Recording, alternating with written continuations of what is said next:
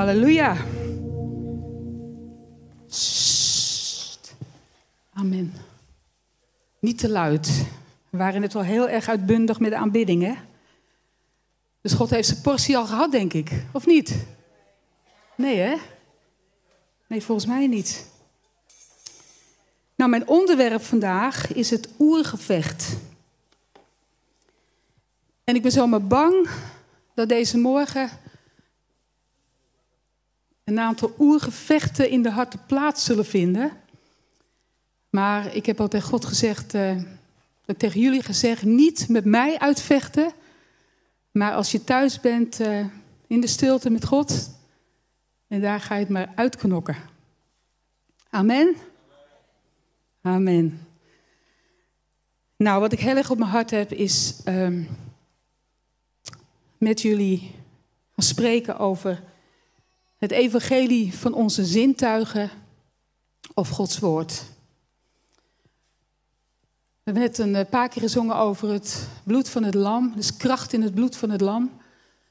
Brian die bad net ook, uh, als je je navoelt, vies voelt, dat er altijd genade is en een weg terug naar Hem.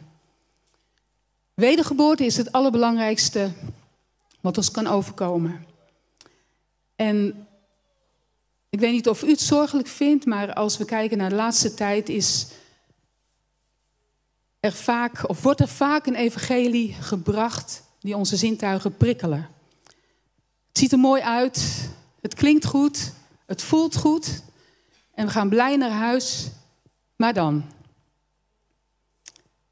Is de prikkeling van onze zintuigen dan genoeg om ons door strijd heen te leiden, om ons in elke omstandigheid op God te doen richten? Of hebben we dan nodig om weer geprikkeld worden door onze zintuigen?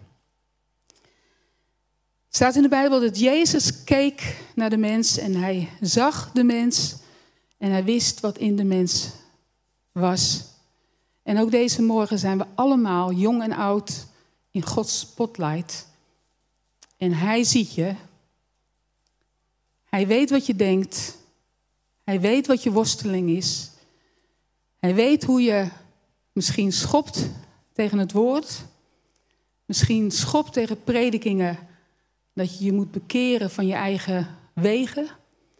Misschien nou baalt van wat er hier op het podium gebeurt of gezegd wordt. In Gods spotlight. God ziet je, God weet je motivatie waarom je hier bent. God ziet je thuis, ziet je op straat, in de auto. Hij kent je motivatie. Ik wil met jullie uh, naar 1 Koningen 18 en 19 gaan. Weet u, als op een gegeven moment het volk van Israël van God afgaat, komt dat altijd doordat ze afgoderij toelaten in hun hart. Dingen waarvan God zegt: doe dit niet. Of leef zo. Of volg de dingen die ik tegen je zeg. Volg mijn liefdesbrief. Volg mijn geboden. Op het moment dat die dingen weggaan, dan komt er afgoderij in onze levens. En vaak is de grootste afgod me and myself. Ik. Wat je ook ziet is als, als het op een gegeven moment genoeg is, ik maak me best wel zorgen over wat er nu in de wereld gebeurt. Gewoon de, de verdwazing, de onzekerheid en de rampen die over de wereld gaan. Wat is er dan nodig om gewoon te weten wie je bent in Christus? En dat je Gods woord het fundament is voor je leven. En dat je daarop kan bouwen, dat het echt een rots is in je leven. Als je ziet als de afgoderij komt in mensenlevens, als God dan op een gegeven moment zegt het is genoeg, dan komt God met heel veel geweld, met vuur, met donder en noem maar op. Hij, hij betoont zijn majesteit. Laat zijn prediker dat hij zich zorgen maakte over een geest, een saboteur van oppervlakkigheid in gemeentes. En ik weet niet of u dat herkent, of jullie dat herkennen. Maar ik denk dat het een realiteit is. Ons gehoor is eigenlijk zo verwend dat we de ernst en soms de ernstige woorden van God eigenlijk niet meer willen horen. Want dat voelt niet goed. En je hebt je eigen beleving, je eigen evangelie van je zintuig. Um, Elia op de Karmel. 1 Koningen 18 en 1 Koningen 19 gaat daarover. Lees het alsjeblieft thuis gewoon eens heel rustig door. Dus een, een, iets in het leven van de profeet Elia. Uh, de Baalpriesters die, uh, die worden uitgedaagd door Elia. Er is heel veel droogte in het land. En uh, Elia wordt gezocht door Agab. En Elia die, uh, is bang. En hij weet ook niet wat hij moet gaan doen. Elia die is een man van God. En op een gegeven moment dan spreekt God tegen hem dat er regen zal komen. Maar je moet het allemaal maar even gaan lezen, anders wordt het te lang. En op een gegeven moment dan gaat Elia, die gaat de Baalpriesters uitdagen om hun God aan te roepen. En Elia zijn God. En dan zegt hij tegen de Baalpriesters: Gaan jullie gang maar, neem het beste kalf en roep maar tot jullie God. Nou, dat gaan ze doen. En op een gegeven moment dan gaat Elia ze plagen en dan. Uh, nou ja, hoort hij niet? Hoort hij niet? Ga wat harder roepen naar die God. En op een gegeven moment is het zo erg dat de Baalpriesters die, die verwonden zichzelf met, met zwaarden en speren, dat het bloed eruit gutst. En op een gegeven moment, aan het einde van de dag, raken ze in trance. Wij hebben een keer uh, in op de Bijbelschool een filmpje gezien dat het ook inderdaad gebeurde. Dat je zag dat afgodendienaars, die liepen echt met de haken in hun rug. En daarmee trokken ze een wagen voort. En je zag op een gegeven moment dat het ging bloeden. En ze hadden totaal geen pijn. En ze liepen door de stad heen. Totdat ze bij de kerk kwamen waar God werd aanbeden. En ze schreeuwden het uit van de pijn. Daar werd het verbroken. En hier zie je ook, ze komen in, in trance. En dan, uh, dan komt Elia in beeld. En Elia herstelt het offer. Hij pakt de stenen, twaalf stenen, en het hout en het kalf slacht hij of in stukken. En dan roept hij vuur uit de hemel. En dan moet ik even kijken wat staat. Hij zegt ook, giet allemaal water over het, over het uh, offer heen. En dan komt dat vuur uit de hemel. En het verteert letterlijk alles. De stenen, het hout, het offer, zelfs het stof. En staat, en het vuur wordt eigenlijk opgeslurpt door het vuur van God. En mega wat daar gebeurt. Je moet je voorstellen dat daar zitten de Baalpriesters en daar is Elia. En hier is een en al ellende. Schreeuwen, bloed en trans. En Elia roept God aan. En er komt een, een geluid, een vuur uit de hemel. Wat zelfs het, het water doet. Opslurpen. Alles wordt verteerd. Alles, alles. En daar begint al een van de dingen wat eigenlijk tegen onze zintuigen ingaat. Want wij willen niet dat alles in ons hart verteerd wordt. Want we houden zo van, nou noem maar op waar je van houdt in je leven. Of wat je niet los kan laten. Maar wat er gebeurt met Elia. Um, hij rekent af met afgoden, dienaars, ze worden gedood. En een van de boodschappers gaat naar, naar Agab en Izebel. En Izebel is zo boos dat ze zegt van ik zal, uh, ik ga hem doden. En Elia hoort dat en dan moet je je voorstellen, heb je net dat gehad hè, daarboven. Alles verteert doordat de grootheid en de majesteit van God naar beneden komt. En alles verteert en een woord van een persoon, van een vrouw, hij zit helemaal in de put. Hij gaat de woestijn in en dan wil hij eigenlijk gewoon niet verder. En dan uh, valt hij in slaap en dan wordt hij wakker en er is een engel die dan... Uh, er is een vuurtje en er is een brood op en een kan met water. En dan uh, zegt die engel, eet en drink en ga daar naartoe. En dat gaat hij doen, naar de berg Horeb. 40 dagen en nachten op één koek en één kan water. Nog een mega wonder. Wij kunnen niet eens een aantal dagen zonder. Hij gaat en hij, uh, nou, hij, hij, gaat in die spelonk zitten. En dan zegt, hij, zegt God van, uh, wat, wat doe je hier? En er komt een heel klaagzang van Elia. Ja, ik ben de enige. Terwijl, terwijl Obadja, een hofmeester van Agan, ervoor had gezegd dat hij honderd profeten had verstopt. Vijftig in de ene grot, vijftig in de ander. En had ze te eten gegeven en te drinken. Hij onderhield ze. Was hij helemaal kwijt, Elia. Later blijkt ook dat God nog 7000 profeten in leven had gehouden. Degene die niet gebogen had voor de Baalpriest, voor de Baal, God en ook niet een oog gesloten hadden daarvoor. Dus hij komt met zelfbeklag. Ja, dit en ja, maar dat en ja, maar zus en ja, maar zo. En dan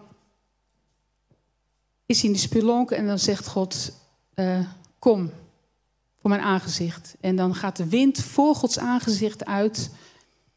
En er gebeurt ook van alles. Rotsen splijten en bergen die, uh, nou ja, gebeurt van alles. En God is niet in die wind.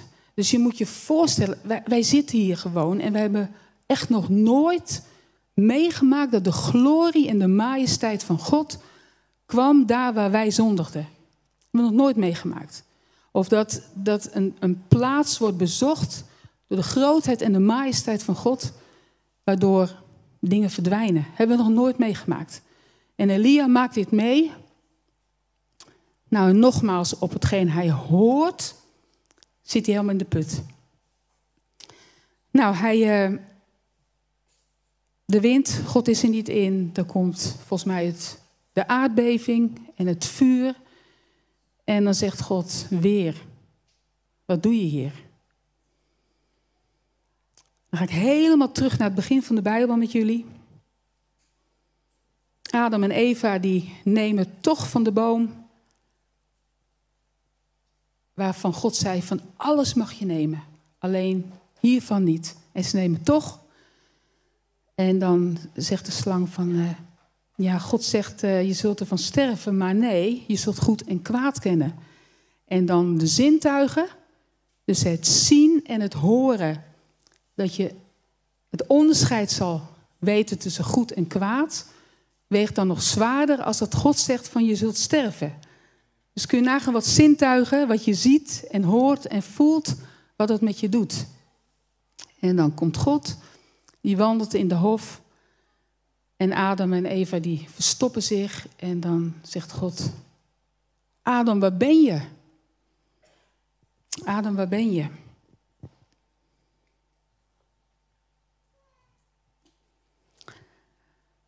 Salomo.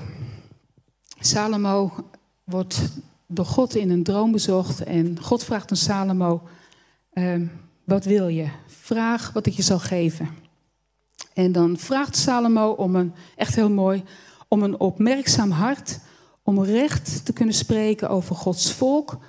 En om met inzicht onderscheid te kunnen maken tussen goed en kwaad. Nou, geweldig als je dat vraagt. Dan gebeurt er iets in je hart dat je de waarheid en inzicht en, en de rijkdom van wat God geeft, door wil geven. Nou, het gaat mis met Salomo, want wat gebeurt er? Hij trouwt met een vrouw, een dochter van Farao, waarvan God had gezegd dat hij dat niet mocht doen. En er staat er in de Bijbel, en hij brengt haar in de stad van David. En dat raakte me zo. Ik dacht, ja, vader, zo is het. Als wij afgoden, als wij dingen toelaten die onze zintuigen prikkelen of waar onze zintuigen naar verlangen, dan brengen we dat in het hart van aanbidding. En wat gebeurt er? Nou, het is, het is verschrikkelijk. Er komen afgoden en het volk dwaalt weer af. Elia, wat doe je hier? In Matthäus zien we dat. Zal ik even de tekst erbij zeggen? Matthäus 14, vers 24. Waar Petrus dan. Uh, is een storm, een megastorm. Het eerst het andere plaatje. Ja, ja. Een megastorm en ze denken dat er een spook aankomt over het water. En dan zegt Jezus tegen Petrus: Kom. En Petrus ziet Jezus en hij komt. En op het moment dat hij op het water loopt, zijn zintuigen, zijn ogen, laten het water zien en hij zingt. En dan zie je dat, het volgende plaatje inderdaad, dat de Heer Jezus hem vastgrijpt. En dan vraagt de Heer Jezus, waarom ben je gaan twijfelen? Dat gebeurt er, hè, als ons evangelie onze zintuigen is, dan gaan we twijfelen. De blinde Bartimaeus, die blijft schreeuwen om genezing. En de mensen hebben zoiets van, hou toch je stil. Maar hij blijft schreeuwen. En dan zegt Jezus van, nou wat, wat wil je dat ik doe? Hij ziet dat hij blind is, maar Jezus vraagt, wat wil je dat ik doe?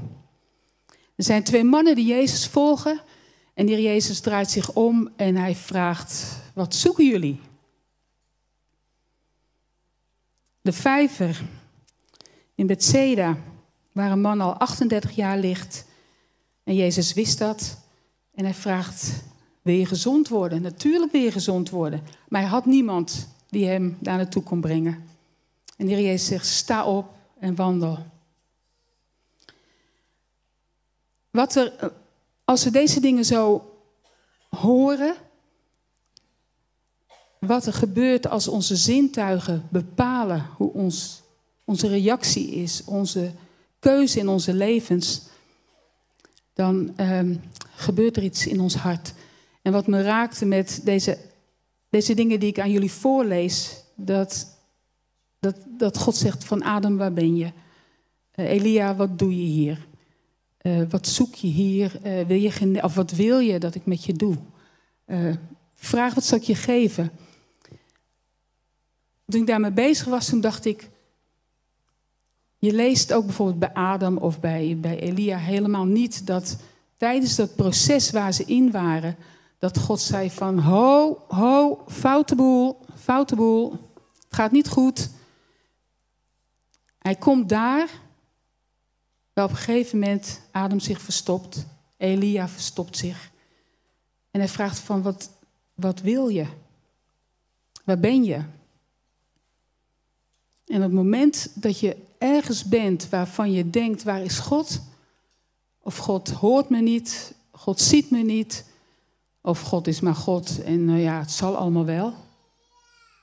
Op het moment dat je iets hebt, dat je het zelf wel allemaal denkt te kunnen gaan doen. Op het moment dat je je eenzaam voelt, dan komt die vraag van God. Wat zeg je? Wat doe je? Waar ben je? En wat is dan sterker? Je gevoel, wat er voor je ogen naar komt. Dat is altijd zo. Als je keuzes wil maken, dan komen er altijd wel verleidingen van, uh, nou dat is toch wel leuk en dat, ah. Maar wat doe je? Durf je dan te luisteren? Durf je dan te zeggen, nou, ik heb het echt goed verknald? Echt goed verknald. En ik dacht dat ik het wel kon vanuit mezelf, maar ik heb u zo nodig. En vergeef me dat ik ben waar ik ben gekomen. Terwijl ik in mijn leven kan getuigen van uw grootheid, van uw majesteit, van uw trouw. Ik was ontrouw, u niet. En dank u wel dat u op dat moment dan vraagt waar ik ben. Of wat, wat ik hier doe.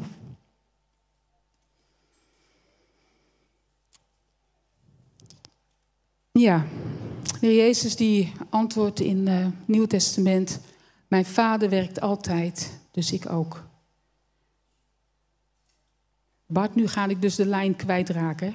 Ik zei gisteren tegen Bart, je moet zwaaien als ik uh, de lijn kwijtraak. Dus nu ga ik een hele andere lijn. Mijn vader werkte altijd, dus ik ook. Ik hoorde laatst een prediking van, van iemand die zei: Wat willen wij zien bewegen? En wat breng ik in beweging? En waardoor laat je je bewegen? Dus alles heeft te maken met je zintuigen of het woord van God. Nou, wat, wat wil je zien bewegen? Uh, je carrière, talentenshow, weet ik wat, financiën, mooie huis, mooie boot, uh, noem maar op. En deze prediker zei, alles wat beweegt, heeft leven in zich. En dat vraagt om verbinding met degene die spreekt. Dus als je in je leven zonder God dingen in beweging ziet komen of wilt zien komen, dan verbindt zich dat aan datgene wat je ziet, hoort. Nou, noem maar op. Um, tegenwerkende kracht van beweging zijn leugens, bolwerken in je denken. Je krijgt altijd die confrontatie als er radicaliteit wordt gevraagd vanuit Gods hart. We kunnen elkaar oproepen van kom op, maak een keuze. Maar het is altijd iets door Gods geest dat je die keuze maakt om Hem te volgen en vergeving te vragen voor de dingen die niet goed zijn gegaan. En elke dag danken dat je wakker wordt.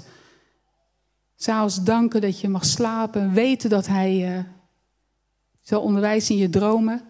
Zodat je opgebouwd wordt door Hem.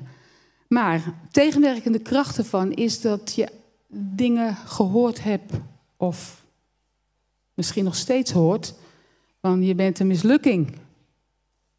Je hebt zoveel fout gedaan, wie ben jij nou? Denk je nou werkelijk waar dat er nog uh, een kans is voor jou?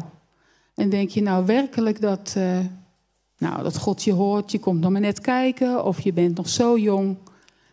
Uh, er is zoveel, zoveel gebeden al. Hou maar op met bidden. De dokter zegt, de dokter zegt, direct je zintuigen staan knalrood. De dokter zegt, heeft gezegd. Hij, zij, heeft gezegd. Je bent niet belangrijk, enzovoort, enzovoort, enzovoort. Wie vindt het een zorgelijke tijd? Het is echt een zorgelijke tijd. Weet u, ik kom uit een uh, ongelovig gezin. En ik uh, ben op mijn negentiende tot geloof gekomen, echt bevrijd van demonische machten. Ik schrok me helemaal het apenzuur. Ik wist niet dat dat bestond. Ik uh, ben echt van geschrokken dat dat dus in je leven kan zijn. Ze hebben twee avonden gebeden voor bevrijding van demonische machten. En ik ik werd zo geconfronteerd met de liefde van God. Dat hij van me hield in de staat waar ik was. Gewoon hem niet zoekende. Maar zijn liefde maakte dat ik uh, ontmoeting kreeg met zijn liefde.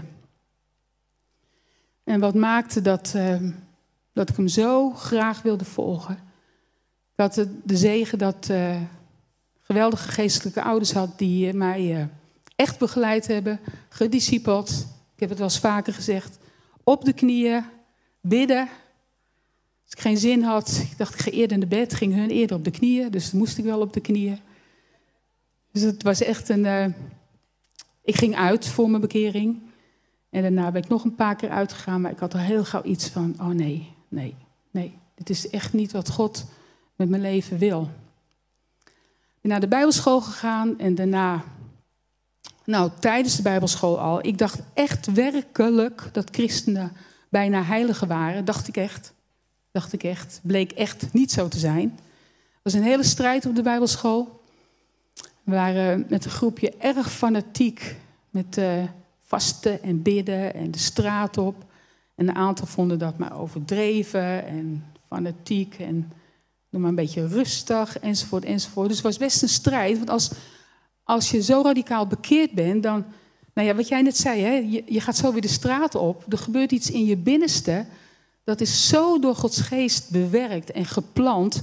Je gaat en je, nou ja, je wil niet anders. Grote wonderen van God gezien. En toen kwam ik van de Bijbelschool af. En ik weet nog de eerste keer dat ik eh, op een verjaardag was bij christenen. Ik, volgens mij was het toen nog geen alcoholvrij alcoholbier. Uh, hoe zeg je het nou? Alcoholvrij bier.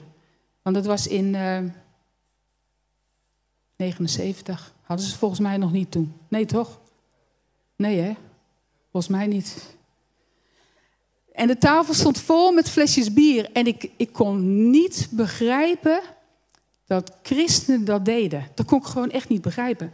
Ik kom uit een gezin vandaan waar, uh, nou, moet toch kunnen, uh, aan de drank. Mijn opa had een café, mijn zus had een café. Mijn moeder zei vaak tegen Michiel en mij toen we getrouwd waren: van wat genieten jullie nou? Wij gingen niet uit of uh, aan de borrel. En wat genieten jullie nou? Zo van, uh, nou, als je dat niet doet, dan dat is niet best. Ik denk dat we het meest genoten hebben van iedereen in de familie. Maar ik heb zoveel, ook, ook bijvoorbeeld zoveel dingen gezien dat het zoveel gevolgen had voor levens van kinderen. Um, misschien herkennen jullie dat kleine kinderen er staat nog een restje drank op de tafel. En oh, leuk, proeven. Gaan we lekker proeven. Leuk. En iedereen lachen. En de volwassenen vinden het allemaal geweldig. Totdat je erachter komt dat een kind gevoelig is voor drank.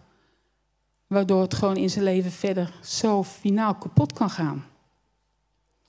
Ik, ik heb me verbaasd hoe christenen makkelijk met dingen omgingen. En dat is puur genade hoor. Dat is echt puur vanuit de wereld. Dat je, dat je ziet wat de wereld brengt. En ja, wat, wat wij als christenen dan kunnen laten zien. Nu in deze tijd ook. Um, ik zei net al, het zal een oergevecht worden in harten van mensen. Maar in deze tijd. En ik hoop niet dat iemand zich aangevallen voelt, anders ga je met God daarna in gevecht. Niet met mij, anders blijf ik in het hok zitten of zo. Of Michiel, ja, leidt me gauw naar buiten. um, als volwassenen zeggen we zo gauw tegen onze kinderen of tegen volwassenen: je mag jezelf zijn. Ga ontdekken en kijk en ga bezig zijn met deze dingen realiseerde ik me zo. Als je dat doet, en dan moet je niet verwarren dat, hè, wat ik net zei, we zitten allemaal in de spotlight van God en we zijn uniek voor Gods aangezicht. Hè, we zijn hartstikke uniek. Maar als je deze dingen gaat zeggen tegen elkaar, je mag jezelf zijn, wees jezelf enzovoort. Wat anker je dan in je kinderen? Wat anker je? Anker je dan het evangelie van de zintuigen? Of anker je Gods woord, waardoor er echt een anker komt, een identiteit in Christus, waardoor degene niet stuurloos wordt? Als je nu opmerkingen maakt over, ja, vandaag mag een jongetje zijn of een meisje nou ja, je kan ze wat vervolgd worden, maar dat mag je allemaal niet meer zeggen. Dus de hele, de hele cultuur is zo, nou, het is eigenlijk echt demonisch. Het wordt zo ankerloos. Ankers worden weggehaald en vooral Gods woord als anker. En zelfs dat we als christenen merken dat je voorzichtig gaat worden met wat je zegt. Dat je voorzichtiger gaat worden met getuigen. En dat is niet goed. Dat is niet goed. Wat ankeren wij in de levens van onze kinderen? In de jaren negentig ben ik een keer naar een conferentie gegaan van Jackie Pullinger. En zij heeft, uh, volgens mij is in de jaren 50, was, was 25, is zij naar uh, de ommuurde stad in Hongkong gegaan. Duizenden mensen, verschrikkelijk. Het was, uh, ze omschrijft dat die ommuurde stad hadden huisjes die allemaal op elkaar waren gebouwd. En als er iets gebeurde, dan zou het instorten. Was, als vrouw was zij daar. Er waren geen voorzieningen, er was geen toilet, helemaal niets. En God riep haar. Ze wilde heel graag Toen ze geloof... Even een slokje. Ze wilde heel graag toen ze tot geloof kwam de zending in. Ze zei de eerste keer dat ik naar de Bijbelstudie ging. Uh, en die was afgelopen en toen gingen ze eten. En toen zei ze: De christenen willen altijd maar eten, eten, eten, eten, eten. Gewoon bij elkaar komen en dan eten, eten, eten. En zij was zo geschokt. Net als ik zei, hè, dan, dan kom je uit een milieu en je komt in, in Gods wereld. Dat je geschokt bent van, hè? Dus zij ging geen risotto eten, zij ging de straat op om het evangelie te vertellen. Zo'n brandend hart had ze. Ze werd nergens aangenomen, ze mocht uh, de zending niet in, want ze was nog maar 25. Ze moest dat en dat en dat en dat doen. Dan mocht ze eventueel gaan. En toen zei ze, maar ja, als de Heer Jezus nou al teruggekomen is... Nou, dan ik heb toch wel, wel een probleem dat ik niet gegaan ben. En toen sprak ze een prediker en die zei... Als je, gaan, als je moet gaan, als God zegt dat je moet gaan, ga. En zei, uh, maar hoe? Pak een boot en ga naar de meest donkere plaats waar je kunt zijn. Nou, een hele, heel verhaal zit eromheen. In ieder geval, zij vertelde van de mensen die, uh, die ze daar nou, ontmoeten, die ontzettend argwanend waren naar haar. En haar huis is ook overhoop gehaald en er was ontzettend veel strijd.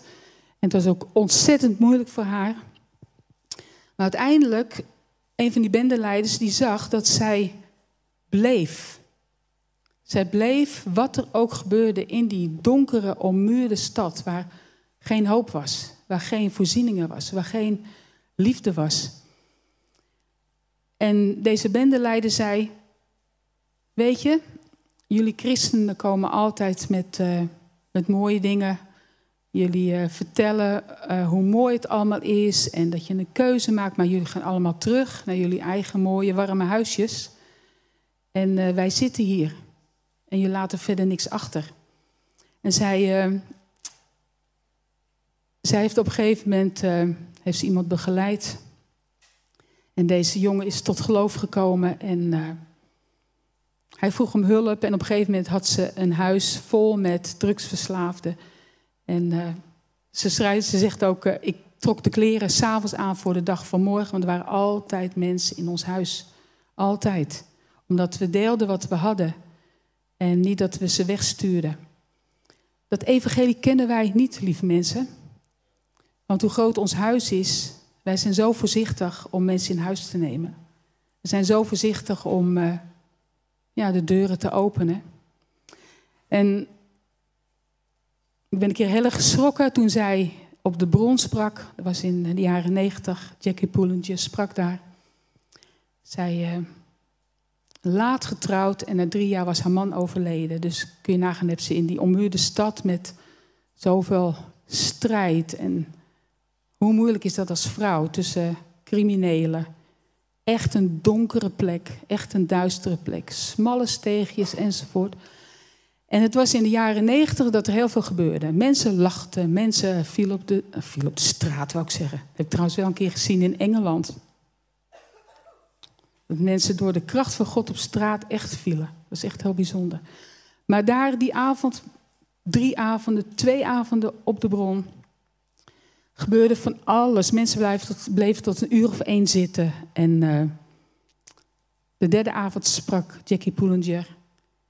En mensen liepen om negen uur al weg. Ze waren moe. Nou, de avonden ervoor waren laat geworden. Maar zij sprak over, zijn we bereid om die prijs te betalen? Onze zintuigen wilden we niet horen. Ja, onze zintuigen, het evangelie van onze zintuigen en het evangelie van Gods woord, waar kiezen we voor? God alleen kan alles omkeren. Hij kan de toestand waarin we zijn, en dat is voor iedereen verschillend zoals we hier zitten. Hij kan, uh, nou, de, de, hoe zeg je dat, de mes, de troep, de rommel, waar, waar je in zit in een, ja, een boodschap veranderen. Een test. Dat je denkt van hoe dan God? Hoe dan Vader? Hoe dan? Wordt een getuigenis. Strijd wordt een overwinning. En in plaats van wat Elia zei, hè, van ja, maar ja, ik ben de enige, terwijl er nog veel meer mensen waren. Ik ben de enige. En kijk eens, en arme ik, je wordt een overwinnaar. Omdat je niet toelaat dat je zintuigen jouw evangelie worden. Mijn toekomst is in Gods handen. Amen. Wat er ook gebeurt. En het zijn makkelijke woorden. We zeggen het ook gemakkelijk. Maar mijn toekomst is in zijn handen. En de vraag is: welke voetsporen wil je wandelen? Welke evangelie wil jij in je leven volgen? Ja. Jezaja 55, vers 3 wil ik mee afsluiten. Dat is uh, de eerste tekst, de eerste slide. Ah, wat goed. Goed voor jou.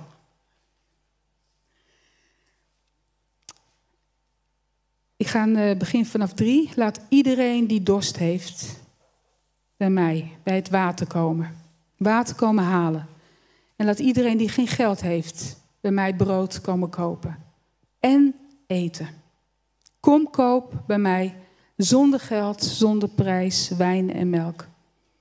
En God is de enige die kan zorgen dat het werkelijk goed met je gaat. Waarom tellen jullie geld af voor iets wat geen brood is? Je zintuigen. Het lijkt allemaal zo mooi, het klinkt zo mooi, maar het voedt je niet. Het, het brengt afgoderij in je harten. Het brengt bitterheid, het brengt boosheid. Van alles. En, en dat komt in een plek van aanbidding.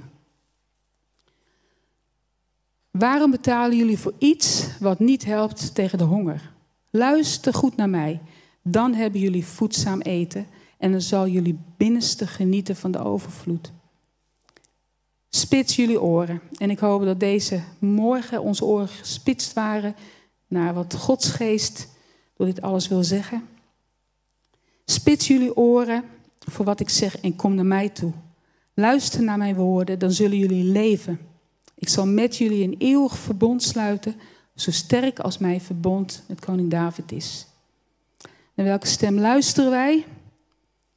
Gods woorden of woorden van mensen. En het is echt een ernstige boodschap die je echt ter harte moet nemen. Waar luister je naar? Welk evangelie heb je zelf gecreëerd? En waar luisteren we naar? De boze die is verslagen, maar hij gaat rond als een briesende leeuw. Kijken wie hij kan verslaan. En dat geluid van een briesende leeuw, dat, dat maakt je wakker. Of dat, dat doet je omkijken van wat er gebeurt. Maar als je in Gods woord bent, dan weet je dat hij verslagen is. En dan laat je je niet verslinden. Je laat je niet verslinden door jou, door mijn, ons evangelie van onze zintuigen. Maar het evangelie van Gods woord, waardoor we in onze kinderen een anker plaatsen wat vast is. En als een storm komt, als door moeilijke dingen gaat, dat het anker gewoon vast zit. Dus lieve mensen, wat zeggen wij, wat doen wij? Ehm, wat zijn onze woorden? Wat is onze houding? Uh, wat, wat, welke erfenis laten we achter? Um, ja. Wat komt er uit onze mond? Laat de woorden van leven komen. We hebben nooit een excuus. Met Elia en anderen ook, Adam ook. Ja, maar ja. Nou, dat komt toch wel door die vrouw. Of ja, maar. Nee, we hebben nooit een excuus voor hetgeen we zeggen. Wat niet vanuit Gods wil is. Geen excuus om te wandelen daar waar God zegt: ga daar niet heen, want het leidt tot de dood. Relaties, jongelui, aangaan. Als je, een, als je verliefd bent op een jongen of een meisje, ga kijken of diegene ook nog veel meer van de Heer Jezus houdt. Bid voor relaties. Ga dat niet zomaar doen, want er kunnen zoveel dingen kapot gaan in je leven. En laten wij als volwassenen daar ook in sterk in zijn. Dat we die woorden ankeren bij onze kinderen. En bemoedigen elkaar ook, ook als ouders. Als je het misschien moeilijk vindt om uh, over dingen te praten, help elkaar. Zullen we gaan staan met elkaar?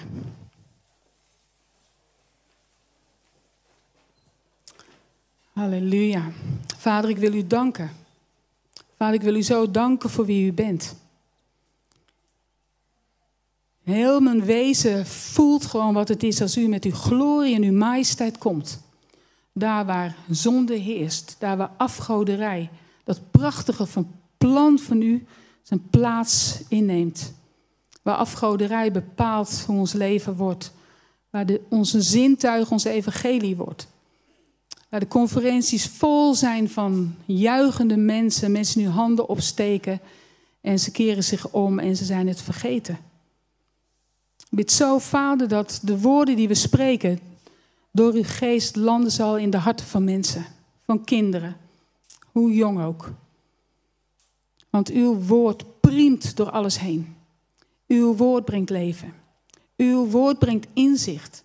En wat een genade dat als we het gewoon verknald hebben, als het gewoon een zootje is geworden, dat u zegt, maar ik, ik maak er een boodschap van, maar kom tot mij.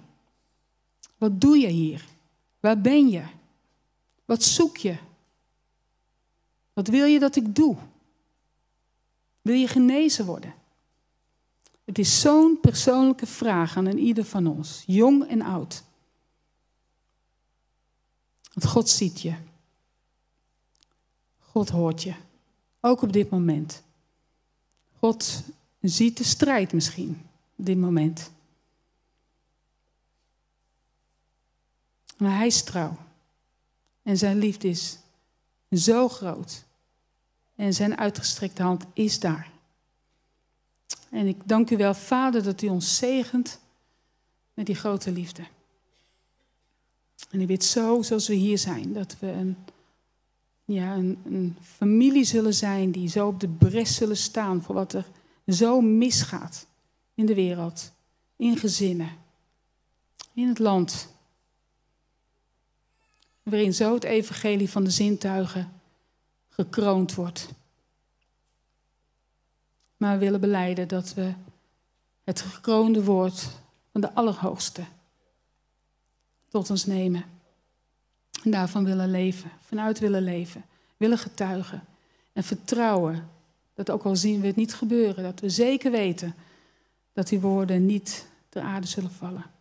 Dank u wel dat we gezegend zijn. Dank u wel dat we geliefd zijn. Dank u wel dat u woorden van leven spreekt. Zet wachten voor onze lippen, Vader. Dat de dingen die we spreken tot leven zullen zijn. En dat de woorden die we spreken verankerd zullen worden. Onze identiteit in Christus zo sterk zal zijn dat we autoriteit zullen spreken over wie u bent, wat u gedaan heeft in onze levens. En de verlossing door het kostbaar en dierbaar bloed van de Heer Jezus. Amen.